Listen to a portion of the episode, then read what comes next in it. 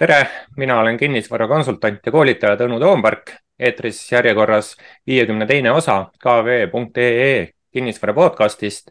räägime maakleritest ja maakleritele. ja tänane külaline on Margus Tinno, Colliersi partner ja investeeringute nõustamise juht. tere, Margus. tere, Tõnu ja tere, tere kõikidele kuulajatele-vaatajatele mm.. Aga alustuseks äkki räägid paari sõnaga, kes sa oled, eh, mis sa Colliers eh, teed ja mis asi Colliers üldse on? ja nagu öeldud, nimi on mul Margus Tinno äh,. olen kinnisvara valdkonnas tegev ütleme aastast üheksakümmend kuus, nii et siit nüüd igaüks arvutada, palju neid aastaid kokku tuleb, päris palju ehk oma, oma, oma sõrme ja kõik muu olen ma sellele kinnisvarakuradile nagu andnud, ilmselt ega siit enam pääsu ei ole. ja, ja olen oma karjääri jooksul äh, olnud võib-olla kõige suurema osa ajast seotud kinnisvara hindamisega, eelkõige ka nagu ärikinnisvaraga ja nüüd viimased äh, noh, ütleme veidi vähem kui kümmekond aastat või noh, tegelikult kümmekond aastat pigem ka juba ütleme, sihuke investeeringute nõustamise ja ja selle teemaga ja Colliersis olen ma nüüd äh, ka juba, saabki kohe neliteist aastat. Äh, Colliers on siis üks, äh, üks globaalsetest juhtivatest nii-öelda kinnisvara konsultatsiooni ettevõtetest ja, ja tegeleme me eelkõige nagu siin Eesti kontekstis just ärikinnisvaraga ja selle, selle poole suunitlusega ja pakume kõiki siis nii-öelda kinnisvara konsultatsiooniga seotud teenuseid, vahendusest, äh, tavanõustamisest, hindamisest äh,, äh, turuanalüüsidest kuni siis ütleme halduseni ja projekti juhtimiseni nagu välja. et võib-olla meid nagu noh, nii, nii-öelda reakodanik nii hästi ei tunne, aga, aga ma usun, et nagu ärikinnisvara äh, kontekstis on, on Colliersi nimi võib-olla suhteliselt tuttav mm.. et muuhulgas te eks hindate siin meie börsil olevate fondide vara, Efteni ja Baltic Horizoni vara, on mul õigus?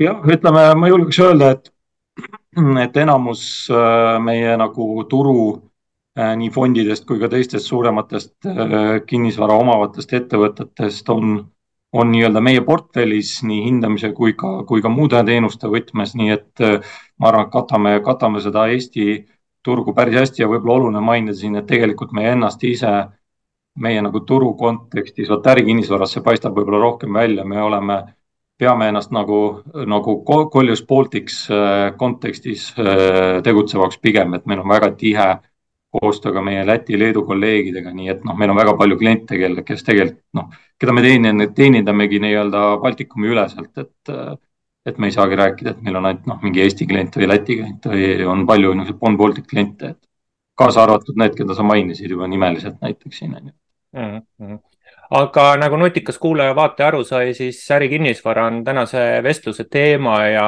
ja, ja plaan oli seda siis natuke konkreetsemalt investeeringute suunas lükata. aga kui me alguses, jutu alguseks panekski paika, et kui me räägime ärikinnisvara investeeringutest, et aita, aita see lahti mõtestada, et mida me silmas peame? no ütleme, kõige klassikalisem ärikinnisvara investeering, mida, millest võib-olla enamus, enamus nii-öelda audi, auditooriumist, kuidas ta sellest ka aru saab ja mõistab, on see, et keegi, keegi müüb, keegi ostab näiteks mõne büroohoone või kaubanduskeskuse või, või tootmislao hoone ehk kus siis on olemas mingisugune rahavoog ehk siis on investor, kes investeerib sisuliselt rahavoogu. Äh, noh, loomulikult objekti endasse ka, aga noh, ütleme, et tegelikkuses on see me käsitleme nagu selles valdkonnas siiski natuke enamat, sinna lähevad sisse ka ütleme äh, ärikinnisvara arendusega seotud temaatikad, äh, sealtkaudu tuleb sisse, ütleme, tulevad maatemaatikad sisse, tulevad mingid projektijuhtimised, asjad sisse. Äh, ja miks mitte ka ütleme, kus on noh, Eestis ka järjest enam mm, nii-öelda esile kerkiv on näiteks, kui me räägime tegelikult üürikorteritest suuremas mahus siis tegelikult see on ka, ka, ka rahvusvaheliselt käsitletav nagu tegelikult pigem nagu üürikinni või ärikinnisvara konteksti kuuluvana. kui -hmm. ütleme suured fondid, institutsionaalsed investorid investeerivad näiteks elukondlikku kinnisvarasse läbi niisuguse üüri, üüri konteksti, siis seda peetakse ka pigem nagu ärikinnisvara valdkonda või investeeringute valdkonda kuuluvaks näiteks mm. -hmm. aga väga hea, et nüüd, nüüd on nagu raamid paika pandud, kust äh, vestlus tuleb, aga, aga räägiks alguses võib-olla natuke sellisel üldi, üldisemas plaanis ja, ja mõtleks, et mis meil siin, siin viimaste aastate jooksul ärikinnisvara investeeringute turul on tulnud, et mina, kes ma elamispindadega rohkem tegelen, mõtlen noh, selles kontekstis, et kaks tuhat üheksateist oli majandus kuhugi mingisse tippu enam-vähem jõudnud, vähemalt noh, niisugune üldine konsensus oli, et, et ehk siis äh, eelkõige kasv pidurdub. Äh, siis tuli koroona, siis, äh, siis tuli rahatrükk, kinnisvaraturg läks üles, eks tegelikult analoogsed siuksed, et ah, koroona tulles läks muidugi alla eks analoogsed juhtumid olid ka aktsiaturul, mm, kiired hinnatõusud ja siis äh, jõudsime kaks tuhat kakskümmend kaks aastani sõjani. et kuidas ärikinnisvara investeeringute turg sellel ajal käitus, et millised seal niisugused peamised äh, liikumise suunad äh, olid? Mm, jah, ütleme nii, et nii nagu me ütleme, võib-olla alustuseks on hea, hea mainida seda, et ma olen, mis mulle endale meeldib öelda, et kui me siin teeme omal mingeid presentatsioone, näiteks turu ülevaateid siin oma klientidele ja, ja, ja kes iganes huvi tunneb selle vastu, siis Äh, mul on nagu kombeks öelda, et see mm, investeeringute turg või kuidas see toimib ja mis, mis, mis, mis, mis olukorras ta on, on omamoodi nagu niisugune nagu turu tervise indikaator. ehk siis, kui, kui investeeringute turg toimib, see mõnes mõttes nagu näitab, et äh, see nii-öelda raha, äh, mis, mis, mis nagu kinnisvara poole vaatab, see nagu usub, et, et, et siin on nagu asjad okei okay,, et siia tasub nagu paigutada ja, ja, ja kui, kui ühesõnaga, et kui investeeringute turg toimib, siis me võime öelda, et tegelikult suures pildis ka kinnisvara äh, turg või ärikinnisvara turg antud kontekstis siis suuremas pildis toimib, sest et noh, peab aru saama, et tegelikult üks ärikinnisvara investeering ei ole ju tegelikult investeering tänasesse hetke, tänasesse päeva, tegelikult investeeritakse ikkagi tulevikku. et keegi ei osta ju seda rahavoogu näiteks, mis on täna, vaid ikkagi vaadatakse seda, mida ta siin mingi teatud perioodi jooksul üks objekt suudab genereerida või, või, või millist lisandväärtust toota. ja, ja, ja kui nüüd rääkida siin viimastest aastatest, siis tegelikult on olnud ju olukord päris hea. et äh, kui ma vaatan nüüd, noh, takkajärgi tarkus on alati see täppisteadus, on ju. et äh, aga kui nagu graafikuid vaadata, siis ütleme niimoodi, et äh, noh, kaks tuhat kakskümmend oli täiesti tavapärane aasta, kui me nagu saabusime sellesse nii-öelda koroonakriisi siis kokkuvõttes, aasta kokkuvõttes noh, terve Baltikumi üleselt me saavutasime täiesti normaalse taseme, ka Eesti taseme. kui me räägime normaalsest tasemest, siis ma võib-olla ka siin äh, mainin selle ära, et, äh, et me peame nagu niisuguseks äh, Baltikumi võtmes normaalseks ärikinnisvara investeeringute turumahuks üks miljard aastas ja ütleme Eesti võtmes siis peame, ütleme suurusjärgus niisugust kolmesaja miljoni euro taset et seni on ta kuskil nagu sellist, sellist, sellist, selline tase on nagu, nagu andnud aluse nagu niisuguseks normaalsuse defineerimiseks, ütleme niimoodi. ja kaks tuhat kakskümmend oli see täiesti saavutatav aasta, saavutatud aasta lõpuks. loomulikult, kui see koroona tuli, siis tõmbasid kõik korraks nagu pulgaks ära, et mis nüüd saama hakkab, on ju, sest noh, see oli sellist asja polnud keegi enne näinud, on ju, et et, et haigused ikka levib, aga et noh, et niimoodi maailm lukku läheb selle peale, et, et, et mis nüüd juhtuma hakkab, on ju aga, aga nagu elu näitas, siis äh, nii-öelda turg adapteerus päris, päris korralikult, oli muidugi neid sektoreid, mis said nagu oluliselt rohkem pihta, aga oli ka neid sektoreid, mis nagu reaalselt nagu võitsid, et ja kui me investeeringutest räägime, siis näiteks toot-, ütleme logistika äh, ja, ja esmatarbekaubad ehk siis nii-öelda noh, nii-öelda ütleme Selverid ja Rimid siis lihtsas keeles. noh, need said pigem hoogu juurde sealt, sest seda peeti niisuguseks kindlaks asjaks, kus äh, noh, ütleme nii, et ikka inimesed kasvõi kodus ikka midagi ostsid kuskilt või tellisid ja, ja leiba süüa ikka vaja on, on ju, et mm. et, et, et see nagu äh, hoidis äh, ja, ja ütleme, kui nüüd nagu kokku võtta koroona teemat, siis äh, vast kõige rohkem sai pihta selgelt nagu majutussektori hotellid. aga, aga, aga noh, ütleme niimoodi, et ma arvan, et selle nii-öelda kriisiperioodi, noh, ütleme, meil on siin nüüd neid erinevaid Äh, üksteise otsa laekunud, äh, ma arvan, üheks nagu niisuguseks oluliseks märksõnaks on ka see, et meie turg on küllaltki professionaalne juba, turuosalised ja, ja, ja, ja kogemus ja pädevus, eriti kui me võrdleme nagu nii-öelda meie eelmise kriisiga kus me tegelikult veel kõik saime omad nagu vitsad ja, ja, ja, ja sealt meil need äh, tegijamad nagu tänapäevaks nagu paljuski ka välja koorusid. siis noh, nad oskasid äh, need olukorrad ära manageerida ja noh, näiteks majutussektoris, äh, nagu me nüüd teame, väga paljud võtsid tegelikult selle aja maha selleks, et objekte uuendada. mida oleks pidanud üks hetk niikuinii tegema. Ja noh, mis on ühe, ühe hotelli puhul kõige keerulisem, on see, et kuidas sa nagu tegutsevat hotelli nagu uuendada, on ju, aga noh, kui nad sul kinni on, see on väga hea võimalus nagu see asi ette võtta ja, ja päris mitmed seda tegid mm.. nii et äh, pole halba ilma heata selles mõttes ja ma arvan, et, äh, et, et äh, kokkuvõttes noh, me neid vilju võib-olla näeme siis nagu siin lähiaastatel mm.. ja, ja, ja ütleme niimoodi, see, see, see rahunemine kaks tuhat kakskümmend võib-olla toimus rohkem seal teisel poolaastal, kus siis elu läks täiesti normaalselt jälle edasi lepiti selle olukorraga, nagu see koroona on, aga ilmselt kõik said aru, et see on ikkagi mööduv nähtus. et mm., et varem või hiljem see asi nagu lõpeb, noh, nii nagu ta ka lõppes. Mm.. sa oled optimist, et on läbi, aga eks, ei noh me..., ütleme nii, et eks meil on ju siin, ma arvan, et ma võin sulle päris suure kindlusega öelda, et sa, kui mitte see aasta, siis järgmine aasta jääd sa grippi. Mm -hmm. näiteks on ju. Ja, ja võib-olla saad veel mõne huvitava nagu tõve omale külge, nii et noh, ütleme nii, et äh, niikaua kui me mullis ei ela, on ju personaalselt igaüks, siis kindlasti meil mingid epideemiad siin veel toimuvad, nii et ma loodan, et sinu kompetents siin vallas jääb nõid naistjale alla, aga, aga see selleks.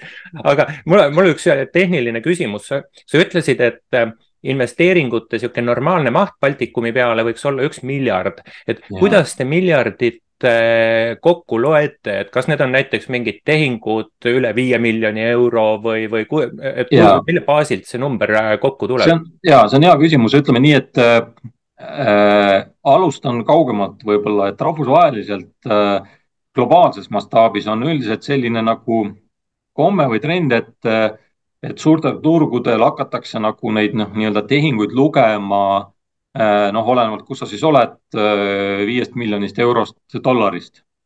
aga no me räägime siis ikkagi ka tõsiselt nagu suurtest turgudest, kui ma toon nagu näiteks äh, siia kõrvale näiteks Soome on ju, kus on nagu päris hea ka statistika olemas, seal on niisugune nagu riiklik avalik organisatsioon, kes sellega tegeleb nagu KTI on ju, siis noh, nemad on öelnud, nemad korjavad näiteks alates miljonist mm. -hmm ja, ja eks see ongi seotud nagu turuga ja turumahu suurusega, on ju.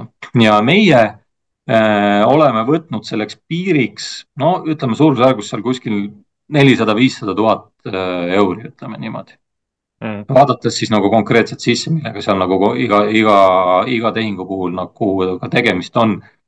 ja võib-olla täiendavaks kommentaariks selle juurde on see, et äh, miks me nagu ikkagi vaatame ka neid väiksemaid asju, sest meie turul on siiski nende väiksemate tehingute osakaal tehingute arvust päris suur. Mm.. ehk siis suht standardne on siin viimaste, ma ei tea, mitme-mitme aasta jooksul see et, et kaheksakümmend, üheksakümmend protsenti tehingutest on kuni viis milli euri. Mm..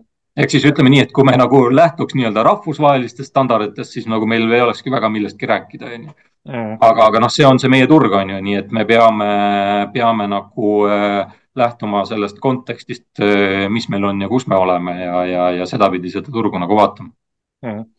Okei okay,, aga lähme, lähme ajaloo juurde tagasi, et sa rääkisid suht pikalt kaks tuhat kakskümmend aastast, aga mis kaks tuhat kakskümmend üks aastal oluline oli, et elamispindade turul oli kindlasti kaks tegurit, oli rahatrükk, mis ikkagi raha pakkumise kaudu eh, elamispindade nõudluse kätte jõudis ja, ja teine asi oli siis pensionifondide noh, jutumärkides äh, vabaks laskmine, mis, äh, mis ka nõudlust äh, kannustas ja, ja hinnad tegid tõelise ralli ja osturalli oli ikkagi väga-väga vägev.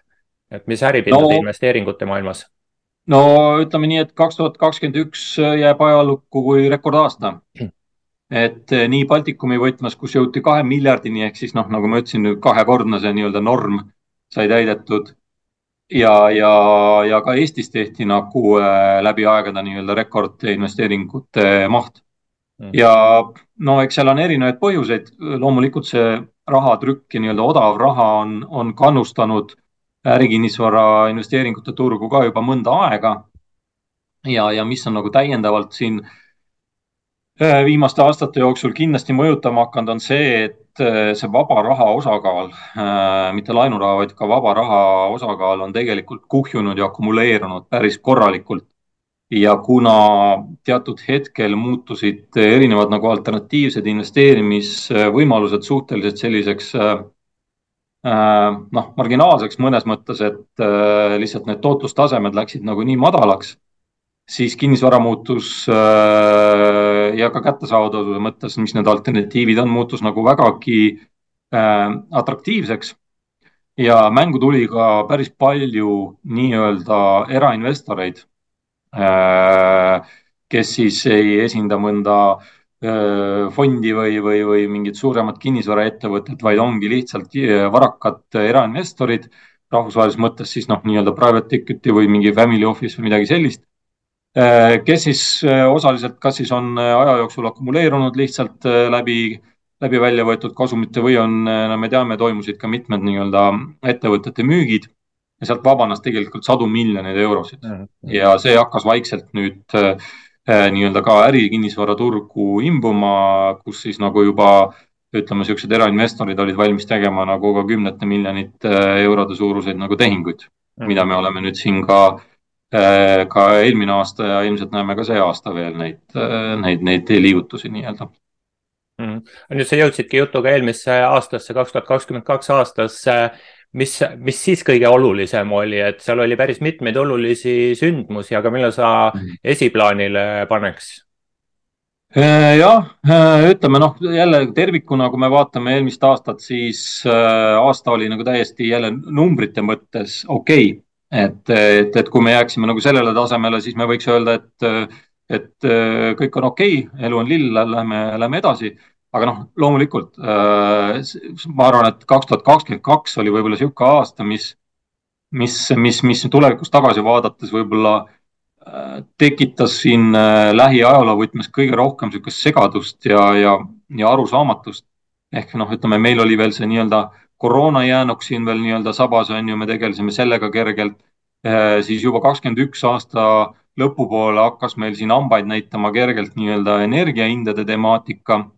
noh, taustal oli ka läbi koroona natukene tulnud, ütleme seda ehituse äh, poole kallinemise temaatikat sisse ja noh, loomulikult siis äh, veebruari lõpust alanud Ukraina sõda ja, ja, ja, ja ütleme siis seal kevadel äh, taaskord äh, tänu sellele sõjale eelkõige, see tõmbas äh, päris korralikult jälle nagu nii-öelda pulgaks ära selle seltskonna siin mm. -hmm. ja, ja noh, ütleme nii, et see küll mingil määral nagu rahunes, ma ütleks nagu kohalikus kontekstis siin mõne kuuga. aga noh, siis suvel meid kostitati nii-öelda nii-öelda piletiga normaalsuses raha, raha, laenuraha nagu hinnastamise võtmes mm.. nii et, et meil on nagu tegelikult siin nagu neli asja rohkemal või vähemal määral kaks tuhat kakskümmend kaks meie turgu nagu mõjutamas.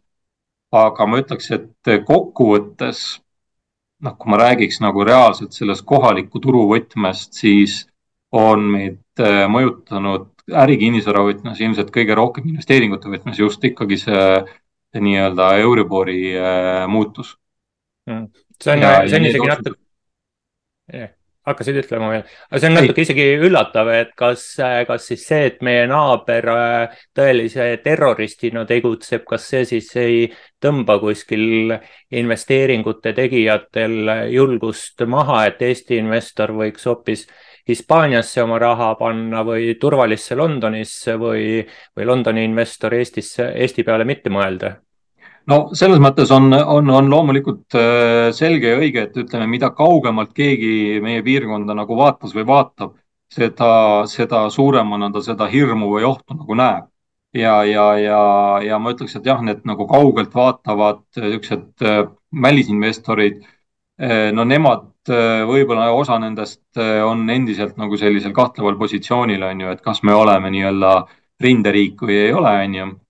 aga noh, samas ma ütleks, et on ka neid, äh, näiteks ma tean ühte konkreetset investorit, kes noh, on, on teinud ka muidugi meil Baltikumis juba varasemalt ka tehinguid puhtalt Lääne-Euroopas baseeruv, kes eelmine aasta tõmbas küll selles mõttes täiesti pulgaks ära, ütles, et, et noh, siia praegu ei, ei taha vaadata tänu sellele siis nüüd just siin kuu alguses tuli jälle nagu päring, et kuidas teil see läheb, kas on midagi huvitavat näiteks pakkuda ja nii edasi.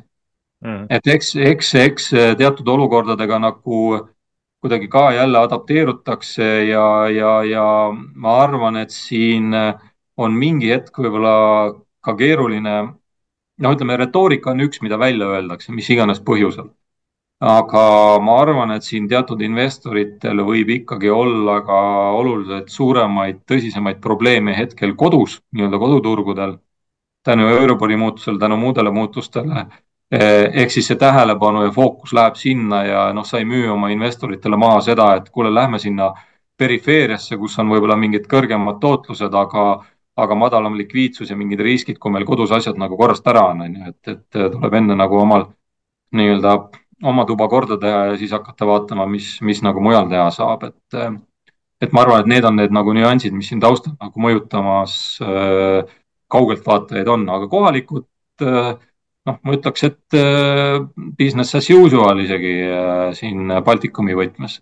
ja, ja enamus äh, siin ütleme koroona aastat, aastat kaasa võtta, siis see kaalukauss on nagu kaldunud rohkem siia kohalike nii-öelda Baltikumi investorite kasuks. Et enamus nagu üle viiekümne prossa on siis nagu neid, kes on, kelle kapital pärineb nagu rohkem või vähem siit Mm. Äh, aga kaks tuhat kakskümmend kaks aastat kuidagi kokkuvõttes äh, oskad sa, tahad sa mingeid siukseid tähelepanuväärsemaid investeerimistehinguid äh, välja tuua, et noh, tore oleks, kui nimeliselt konkreetselt aadress, rahasummad, aga, aga või, või, või siis mingil üldisemal tasemel, et ja no ütleme nii, et Eesti võtmes ma arvan, et me võime siin rääkida, rääkida nagu kolmest suurimast tehingust, mis meil see aasta olid. ma korra, korraks nagu spikerdan siin ka, et ma siin nagu väga puusse ei pane, et no ütleme ja, ja huvitav on see, et meil nagu need kolm, kolm tehingut olid kõik äh, erinevast äh, nagu sektorist mm. -hmm. et äh, meil oli siis suurusjärguna seal, ütleme siis niimoodi suurusjärgu paneme paika, ütleme kolmkümmend milli pluss-miinus nüüd. Meil oli seal üks tööstuskinnisvara objekt, mis on, on, oli, oli meie enda tehing, kus siis Vendere tehase sale and leaseback toimus. siis büroopinnades toimus äh, Foorumi äh, ärikeskuse tehing. Ja, ja, ja kaubanduspinnades toimus siis kevade poole meil äh, nii-öelda Fausto portfelli tehing, kus siis, kus siis äh, oli, oli äh, mitmed objektid siin Eesti erinevates paikades mm.. nii et noh, ütleme niimoodi, et selles mõttes oli äh, oli nagu päris huvitav ja üks oluline võib-olla huvitav, mis on äh, võib-olla, kes, kes igapäevaselt ei jälgi, võib olla natuke üllatav fakt, on see, et meil on viimastel aastatel, eriti eelmine aasta, küllaltki domineerinud kaubanduskinnisvara mm. -hmm. ja kusjuures ka kaubanduskeskused, millele ju siin mitte väga ammu äh, ennustati piinarikast äh, surma, ütleme niimoodi, erinevatel põhjustel juba enne koroonat ja kõike pidi teda tapma e-kaubandus ja nii edasi, nii edasi aga näed, püsib ja investorid sellesse usuvad ja, ja see on päris märkimisväärse osa võtab, äh, võtab ka ütleme investeeringuobjektide kontekstis mm. -hmm. nii et ja, ja, ja ütleme niimoodi, et kindlasti ma arvan, et nüüd see, miks ma nagu enne toonitasin just seda Euribori muutust kui võib-olla olulisemat mõjurit, siis äh, ma näen, et see ikkagi eelmise aasta teisel poolaastal päris palju nagu muutis mängu. ja, ja, ja, ja, ja tehingud, tehinguid küll toimus teisel poolaastal, aga need olid, ütleme rohkem või vähem käima lükatud nagu varem need protsessid. Jõuti nendega lõpuni, ilmselt tulid ka seal olid juba pangad oma mingid seisukohad, commitment'id natuke varem andnud. et need, mis nagu päris nagu tugevalt teise poolaastasse jäid, noh, me teame siin mõningaid objekte, mis loodeti, et suudetakse aasta lõpuks ära close ida, oleks ka tulnud märkimisväärseid äh, tehinguid. Äh, noh, need ei toimunud ja minu nägemusel ikkagi see, see, see üks olulisemaid mõjureid seal on ikkagi see nii-öelda finantseerimisega seotud temaatika, kus siis sul lihtsalt uute numbritega vana Excel enam ei tööta mm. -hmm. Ja, ja nii lihtne ongi. aga hüppaks korra investorite juurde tagasi Äh, noppisin su jutust praegu välja, et pooled tehingud Eestis teevad kohalikud investorid, aga kes siis, äh, kes siis teise poole teevad, kes nad on ja kust nad äh, tulevad? no ütleme jah, tegelikult ütleme üle poole isegi on, on, on hetkel nagu ütleme siis äh, seda, seda raha, mis on siis rohkem või vähem siit Eestist nagu pärit või Baltikumist. aga noh, ütleme, meil on, meil on nii-öelda siuksed tava äh, usual suspects ehk siis, kes meil on siin, ütleme, Skandinaavia raha paigutavad, äh, ütleme, East Capital on meil siin Baltikumi võtmes nagu teinud märkimisväärseid tehinguid ja, ja võib-olla üks oluline võib-olla ära märkida, kes meil siin viimase aasta-paari jooksul on nagu turule jõuliselt sisenenud, äh, äh, on, on Titanium ehk siis nagu Soome kapital. Äh, mis on nagu minu jaoks nagu mõnes mõttes märgiline, et me oleme ju aastaid, isegi ma julgeks aastakümneid oodanud, et tuleb mõni, mõni Soome fond nagu jõulisemalt meil siia turule ja noh, nüüd on see lõpuks siis nagu juhtunud Mm. et ja, ja on, on nagu Baltikumi võtmes ka mõningaid teisi Äh, investoreid, äh, äh, võib-olla Leedus me näeme rohkem ka seal ütleme, investoreid rohkem võib-olla sealt Euroopa poole pealt. et noh, meil on pidevalt keegi, kes, kes mõne investeeringu ikka teeb, võib-olla just suuremate objektide võtmes on ju, et aga, aga, aga väga palju me nagu siukseid noh, ütleme nagu äh, mingit tormi nüüd siin äh, ütleme, niisugused lääne, lääne või välisinvestorid, äh, peame siis nagu võib-olla ütleme siis nagu Skandinaavia välised meie võtmes, ega nad siia väga ei jookse, aga, aga seal on ka muud põhjused, ütleme mm. niimoodi, ikkagi meie turu, turu suurus, likviidsus, efektiivsus, niisugused asjad mängivad ka siin teatud nagu rolli mm.. Vene, Vene raha siin on täitsa müür ees, jah?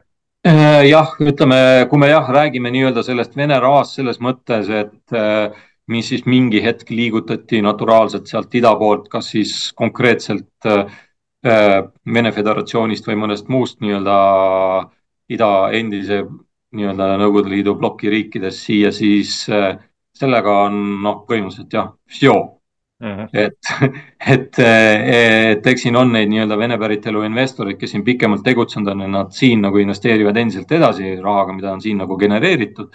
aga suures pildis ja ma arvan, et see äh, nii-öelda Vene kapital, mis mingi hetk meil võib-olla vaata, et isegi nii-öelda oli kõige suurema osakaaluga, see on nagu äh, julgeks öelda jah, kadunud. ja ma arvan, et see on nüüd nagu mõneks ajaks kadunud, ma eksin mm no ma ise arvan, et see on pigem hea, et mida rohkem meie majandused põimitud on, seda rohkem eh, nihkub piir ida ja lääne vahel eh, siiapoole.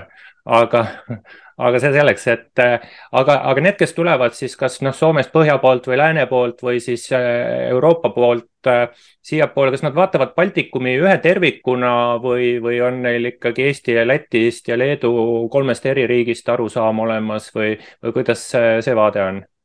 no ütleme niimoodi, et mida suurem on see nii-öelda investor, räägime siis niimoodi lihtsalt, eks eh, seda rohkem ta otsib omale nii-öelda pointi kuhugi investeerida. ja, ja no mahu küsimus on nagu üks kindlasti mm.. Noh, ja on ilmselge, et eh, mõnel suurel nagu noh, globaalse mastaabiga näiteks investoril ei ole mõtet Baltikumi võtmes ilmselt vaadata ainult Eestit või ainult Lätit või ainult Leedut. Eh, see on nagu selge, et, et pigem on siis mõistlik vaadata seda ühe piirkonnana ja paljud seda teevad. Noh, seda soodustab see, et meil on küllaltki sarnane majandusruum. Äh, meil on, meil on, no paljuski käsitletaksegi nagu äh, ju tegelikult Baltikumi kui ühtset äh, vähemalt majanduslikku niisugust nagu üksust või territooriumi ja, ja ka juriidiliselt meil on nagu seadusloome suhteliselt sarnane. teatud erinevused muidugi on riikide vahel puht nagu kasvõi maksude kontekstis ja nii edasi.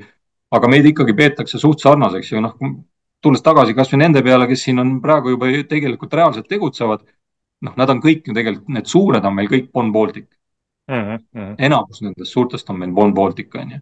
Mm. nii et, et, et selles mõttes see vaade on kindlasti niisugune Baltikumi ülene ja noh, ma kiirelt võib-olla ühe näite toon, see on nüüd küll mõne aja tagu, tagant, mul on lihtsalt meeles ühelt, ühelt Colliersi niisugust Euroopas toimunud ürituselt, kus tõesti ühe suure investori esindaja äh, käest küsiti samamoodi, et äh, kuidas te oma investeerimisotsuseid nagu geograafia kontekstis nagu teete? Mm.. et kuhu investeerida. seda tõi väga lihtsa näite niimoodi äh, hakates nagu asja pulkadeks tõmbama, et ütleme, et meil on üks, üks miljard eurot investeerida ja meil on loodud fond, mis on niisuguse oportunistliku loomuga, mis tähendab seda, et me võime investeerida kõikidele turgudele, kaasa arvatud kasvavatele turgudele, kus võib-olla riskid on suuremad. Mm.. noh, tähendab, et satub ka Ida-Euroopa, kaasa arvatud Baltikum sinna sisse siis.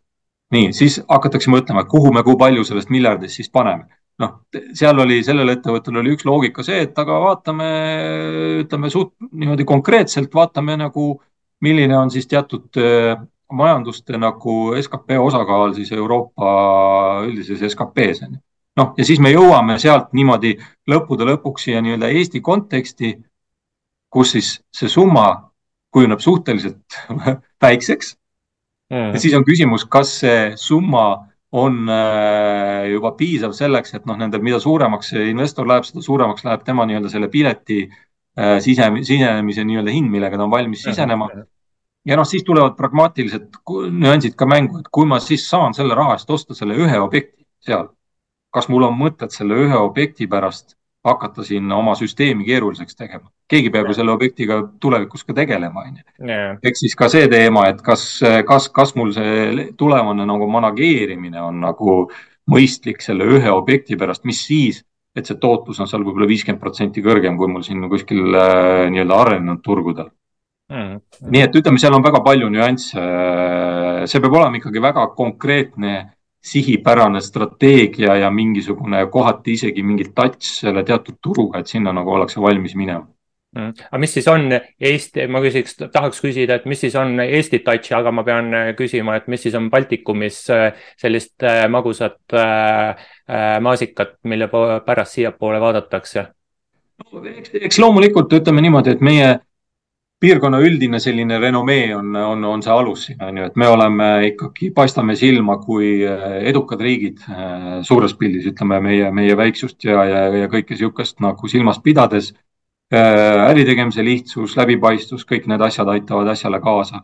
ja noh, loomulikult, kui, kui, kui puht nagu pragmaatiliselt vaadatakse nii-öelda Excelit, siis ega, ega tootlused on nagu ka paremad, ehk siis noh, nii-öelda see, mille järgi nagu kõik investorid tegelikult ju või mille pärast nad oma investeeringuid nagu teevad, et kus, kus sa oma invest-, oma investoritele parimat tootlust võid saada. nii et, et eks need on need eh, nii-öelda asjaolud, mis nagu meelitavad ja, ja kui siis juhuslikult on ka piisavalt atraktiivseid tooteid, noh näiteks eriti, kui meil on mingisugused eh, kobedamad hooned äh, rahvusvaheliste heade üürnikega, noh, miks mitte. Et ja siis need tehingud tihtipeale ka toimuvad ja võib-olla siit oma, oma sõnast kinni haarates võib-olla see üks turu nagu pluss on ka see, et kuna me oleme just nagu arenev turg, kui me võtame, et kuidas meie erinevate sektorite nii-öelda see maht on kujunenud, siis meil on tegelikult, me räägime vanadest hoonetest, mis on viisteist aastat vanad. see on meie jaoks vana hoone. kui sa võtad siin, noh, me ei pea kaugele minemagi, lähme Helsingisse, on ju. seal on veel nii-öelda töös ja käibes äh, bürohooneid südalinnas, mis pärinevad, ma ei tea, kuuekümnendatest, on ju, seitsmekümnendatest. ehk siis nagu see meil on see nii-öelda see, see, see vara vanus ka tegelikult selline, mis, mis annab nagu äh, ka nagu positiivse aspekti ja, ja, ja, ja noh, ütleme nii, et meil siin ilmselt noh, see nii-öelda vanuseline osakaal võrreldes mõne uuemate hoonete osakaal mõnede vanade turgudega on ilmselt nagu suurem isegi mm. kogu stokis. aga kui korra, korra nüüd natuke rohkem detaili minna, et kui eh, et küsiks üldisemalt, et mitte nüüd ainult välisinvestorite, aga ka kohalike investorite vaatest, et mis, mis segmenti eh, kõige rohkem eh, vaadatakse kõige parema meelega siis eh, investeeringu tegemisel? no ütleme niimoodi, et mida investor otsib, on võimalikult madala riskiastmega äh, vara, ütleme niimoodi, noh, mis on, noh, ütleme siis võimalikult likviidne. Mm.. E, mis siis tähendab nii, nii asukoha mõttes ideaalis võib-olla siin Tallinna piirkond, e, võimalikult e, pika lepinguga, tugeva üürnikuga, kui me rahavoost räägime, on ju. või siis ütleme, mõni investor, kes on natuke oportunistlikuma lähenemisega, noh, otsib sealt võib-olla mingit lisandväärtuse nagu potentsiaali, millega ta siis nagu suudab suudab pikemas ajaraamis nii-öelda seda tootlust parandada veel, tõsta. Äh, ja noh, noh, ma ütleks, et meil Eestis on väga vähe neid investoreid või Baltikumis üldse, kes oleks nüüd nagu fokusseerinud väga ühe, ühe, ühte tüüpi kinnisvarale või sektorile, on ju, et nad on üldiselt suhteliselt niisugused omnivoorid, et mm, -hmm. et söövad kõike, mis, mis nagu maitsev tundub. et äh, aga noh, ütleme nii, et suures pildis noh, läbi aja kui me võtame nüüd sektorite kaupa, näiteks võtame kaubandus, kinnisvara, noh, ma mainisin, et see on nagu olnud üllatavalt noh, ütleme niisugune aktiivne osa turust, siis sellegipoolest seal, noh, mida kõik tahaks, ma arvan, et kui keegi ütleks ei ära väga, äh, kui nüüd just ei välista kaubandust, põhimõtteliselt on needsamad esmatarbekauplused näiteks, kõik need Selverid, Rimid äh, tavaliselt on heas asukohas pika lepinguga, noh, nii-öelda äh, lihtsas keeles no-brainer on ju, et ja, ja, ja parimal juhul veel nii-öelda ka veel ühe arve business ehk sul on ka nagu manageerimise mõttes nagu suhteliselt lihtne mm.. et eh, ja, ja noh, ütleme viimastel aastatel on logistika olnud kindlasti üks äh, väga huvitav segment, mida, mis on lausa, ma ütleks isegi, et buuminud äh,. noh, seotud ka ikkagi meil nii-öelda natukene selle jaekaubanduse poole ja selle arenguga. eks ta on tundlik ka nagu selles mõttes kindlasti. aga ma ütleks, et ega büroo ei ole ka kuhugi kadunud et, et, et koroona ei suutnud ikkagi ka büroopindade sektorit äh, nii-öelda ära tappa kaugtöö ja kõige sellega, et, et, et see elu ikkagi käib ka büroohoonetes täiesti normaalselt edasi, teatud muutused loomulikult on toimunud ja toimuvad, aga, aga büroo on, on, on täiesti nagu pildis. ja ma ütleks, et nagu üldpildis nagu väga keskmiselt aastate lõikes on võib-olla erinevusi, aga ma ütleks, need kolm põhisektorit, kaubandus, tootmislaopinna, büroo on suhteliselt võrdse osakaaluga aasta lõpuks meil ja mis meil nüüd on siis see, mida nagu julgemad ja hakkajamad veel nagu vaatavad äh, järjest enam, on äh, seesama elukondlik äh, üürikinnisvara mm.. just niisuguse suuremamahuliste projektidena, ütleme niimoodi. mis nagu tuleb meie turule järjest-järjest jõulisemalt sisse ja lihtsalt võrdluseks. eelmise aasta näiteks, võtame siit vähem kaugele lähe, Soome, Soome investeeringute turg, mis kogumaht oli, ütleme seitse koma kaks milli tuues võrdluseks, et meil Baltikum oli üks koma kolm milli, siis äh, kui ma nüüd õigesti mäletan, see kakskümmend üheksa prossa sellest seitsme koma kahest millist olid üürikorterid. okei okay,, see on ikka meeletu proportsioon, et võrreldes sellega, mis meil siin Eestis äh, toimub.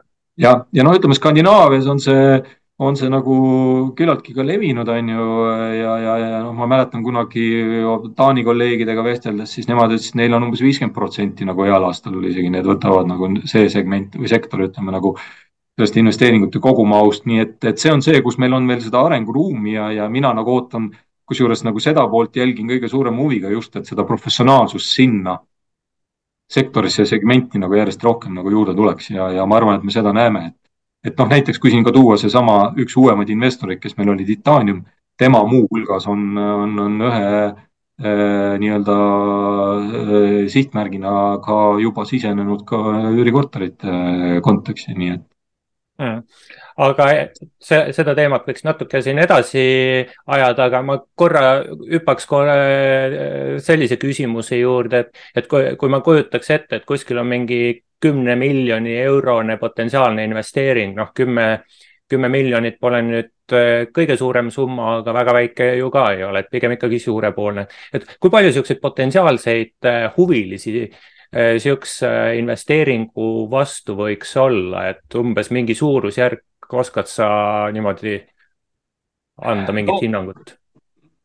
ja no ütleme niimoodi, et äh, täna kümme miljonit on juba päris äh, nii-öelda söödav pirukas, ütleme niimoodi äh,, päris noh, ütleme järjest laiemale hulgale investoritele. ja, ja, ja seda ringi on suurendanud, ma ütleks pigem just needsamad siuksed nii-öelda erainvestorid või erainvestorite pundid, family office'id, kes on aja jooksul lihtsalt arenenud, kosunud, nad on äh, valmis võtma suuremaid objekte omale töösse, mis on ka nagu efektiivsemad nii-öelda investeeringute juhtimise, haldamise võtmes.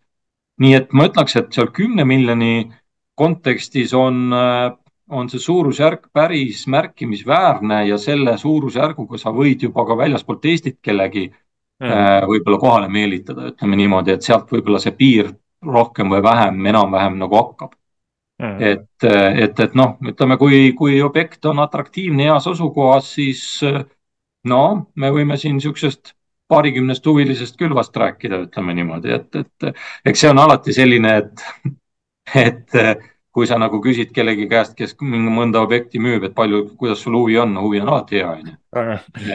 üks just tahtis ära osta, eks, aga. ja, ja, ja, et ja alati noh, siis räägitakse, et noh, nii-öelda need kui palju sul nagu NDA-sid on ehk siis kontleppeid nagu, et aga noh, ütleme, need on alati siuksed so-so asjad, et noh, võetakse välja ka puht huvi mõttes ja, ja nii edasi, onju.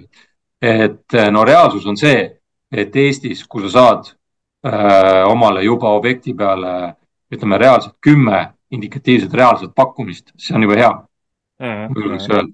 on objekte, mille peale kindlasti tuleb rohkem, aga noh, kümmekond on juba, juba päris hea, ütleme mm. niimoodi ja no mida suuremaks me läheme, siis meil muidugi hakkavad need, need kandidaadid sealt nii-öelda ääre pealt nagu maha kukkuma, kas siis nende enda võimekuse pärast, finantseerimise võimekuse pärast ja nii edasi, nii edasi, nii et, äh, et kui me räägime juba näiteks viiskümmend pluss miljon asjadest, siis, siis seal on see kandidaatide arv juba ikkagi märkimisväärselt väiksem. ühe käe sõrmedest piisab? no ma arvan, et kaks, teine käsi tuleb ka abiks võtta, et kas nüüd võib-olla mõne sõrme vahel võib seal hoida, ma ei tea, pastakat või sigaretti, aga, aga, aga, aga võib-olla läheb ka kõike vaja, nii et. okei okay., aga väga hea, aga tuleks, tuleks siis nüüd eh, selle aasta ja, ja võib-olla ka siis järgmise aasta juurde tagasi, et, et ühest eh, sellisest trendist eh, sa juba rääkisid, noh, minu jaoks on see väga huvitav teema just elamispinnad kui investeering ja kuivõrd mina elamispindade turuga just tegelen, aga et mis, mis võiks veel olla mingid arengud või, või trendid, mis ärikinnisvara investeeringute turul siis sel järgmisel aastal kas juba juhtumas on või juhtuma hakkavad, noh, et jätta, jätaks siis elamispindade investeeringud kõrvale, et seda sai puudutatud juba. noh, ütleme nii, et ega siin, ega siin nagu väga mingisuguseid, noh, ma arvan, et me siin Baltikumis nagu mingisuguseid maailma muutvaid nagu asju välja ei mõtle, et eks me sörgime sabas ja kopeerime seda, mis kuskil mujal toimunud on ja mingid asjad jõuavad viivega siia. No ütleme nii, et mida meil on ikkagi ka vähe, on kõik niisugune, mis on seotud nagu mingi avaliku sektori ja nende investeeringutega, aga need muuseas näiteks Soomes eelmine aasta olid päris suure osakaaluga. Eh, noh, ütleme niisugune senior housing, eh, siis ütleme niisugune nii-öelda student housing, eh, mida meil ka nagu ei ole, mis on nagu mujal siin Euroopas ka täiesti märkimisväärse osaga ja mida on muidugi, no ütleme siin mingi hetk, kui nagu tootlused ikkagi suhteliselt agressiivseks läksid siin turul ja hakkasid ka sellised klassikalised, suhteliselt konservatiivsed investorid vaatama ka arenduse poole järjest enam.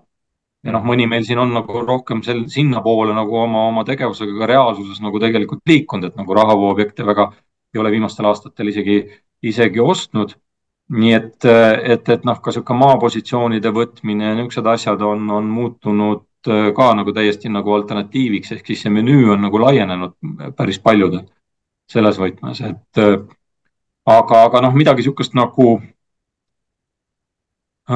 midagi nagu niisugust elu muutvat ma nagu ei näe võib-olla väga siin äh, toimumas äh, ah,. mul ei tule nagu praegu kohe hetkel nagu meelde, et. aga noh, et kas näiteks väli, välisinvestorite huvi on suurenemas või vähenemas, kohalikel suurenemas või vähenemas et kasvõi maapositsioonid, et ma kujutan ette, et maapositsioon on hea võtta odava rahaga, aga nüüd meie olematu hinnaga rahast on saanud juba niisugune kallimapoolne raha. et kuidas. no ütleme nii, et äh, ma arvan, et äh, no välisinvestor, nagu ma alguses mainisin, ma arvan, et tema vajab natukene nagu aega, et siin erinevatel põhjustel äh, siia nagu aktiivsemalt tagasi tulla. Nad on nagu endiselt teatud osa nendest on siin äh,, on valmis nagu mõtlema, vaatama Äh, ma arvan, et üks suuremaid äh, küsimusi täna ja praegu, vahet ei ole, on see väliskapital või kohalik, on ikkagi see, et mis see vara hind siis on tegelikult.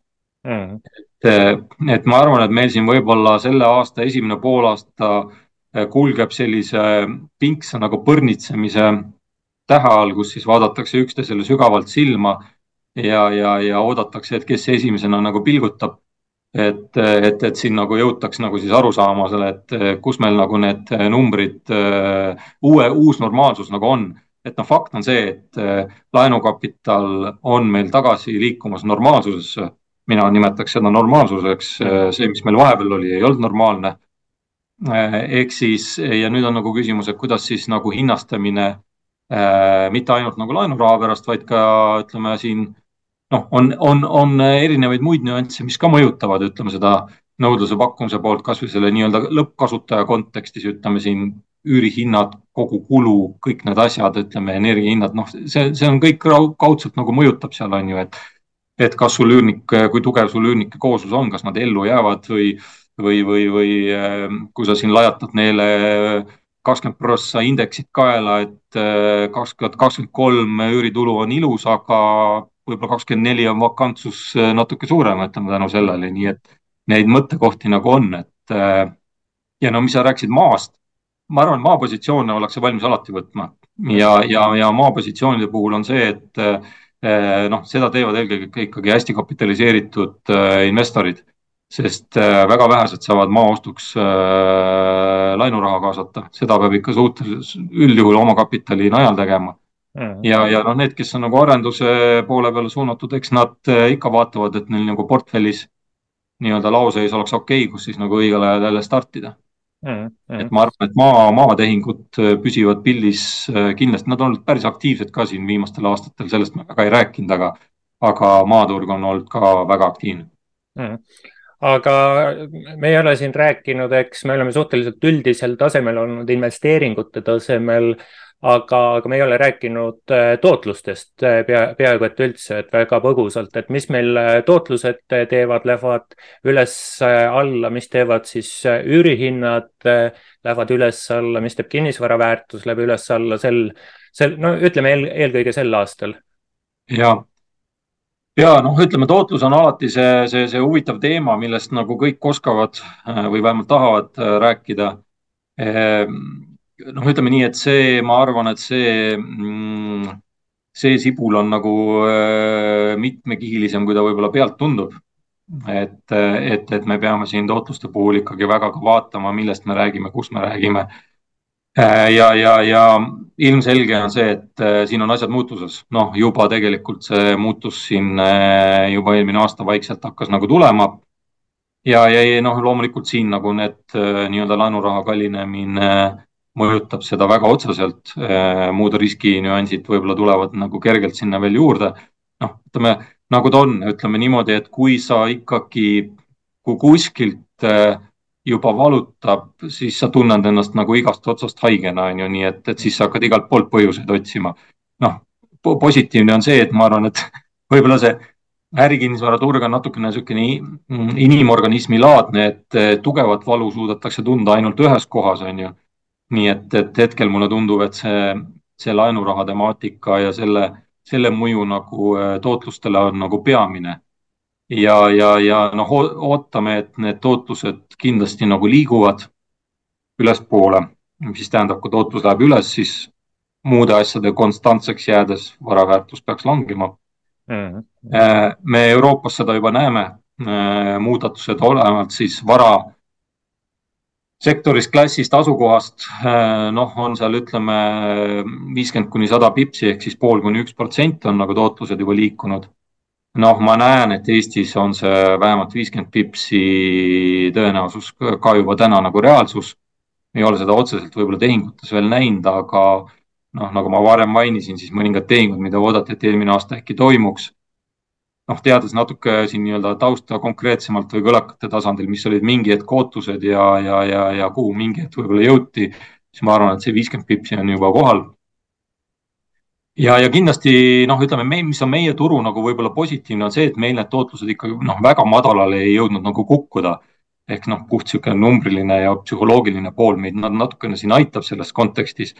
Ja ma arvan, et suurem surve on peal noh, siis nende kõige madalamatel tootlustasemetel, mis meil siin turul olid, seal ütleme seal viie-kuue vahel, need, mis olid juba varasemalt veits kõrgemad, võib-olla seal noh, puht psühholoogiliselt ka see surve ei ole nii tugev peal.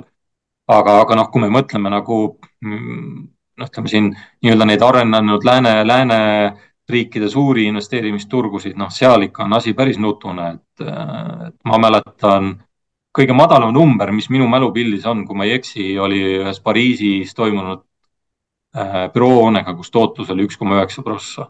-hmm. Okay. noh, kui sul on äh, sellise tootlusega ostetud vara, siis noh, siin võib, siin ei pea nagu väga väga nagu tuumafüüsik olema, et saada aru, et seal nagu probleem on täna nagu olemas, et samade numbritega enam mängida ei saa mm.. no sa panidki nüüd paika, et muudel sam samadel tingimustel eh, siis kinnisvara väärtus peaks allapoole minema, kui tootlus läheb ülespoole, aga, aga tootlust mõjutavad üürihinnad mis, mis siis rahavood teevad, et pigem lähevad ülespoole või allapoole, et üürihinnad sageli ju inflatsiooniga indekseeritud.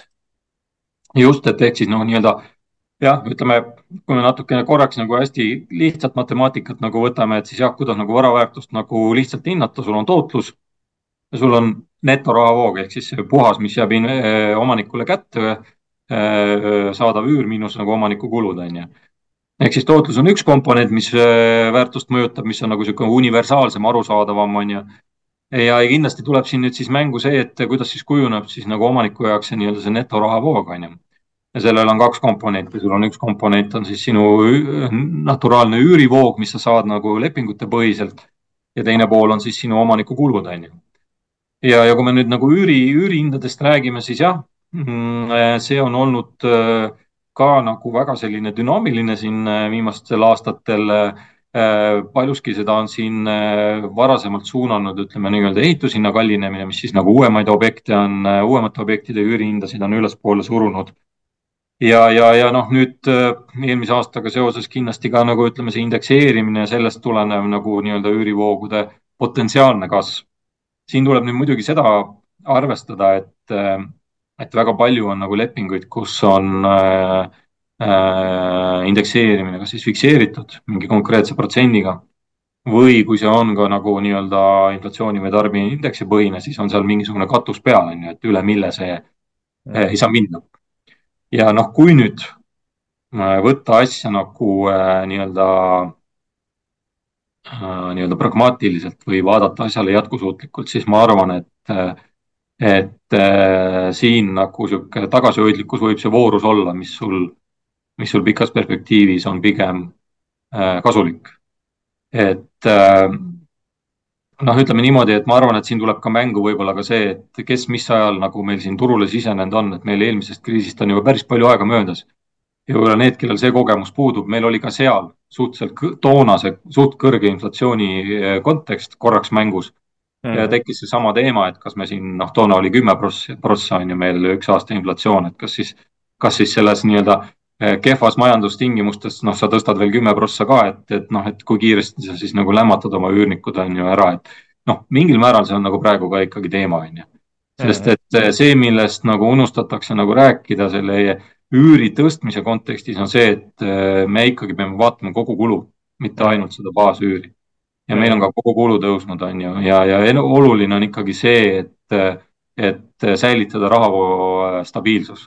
Et igasugused ajutised hüpped üles-alla, noh, ega see pikas perspektiivis ju tegelikult ei anna mitte midagi.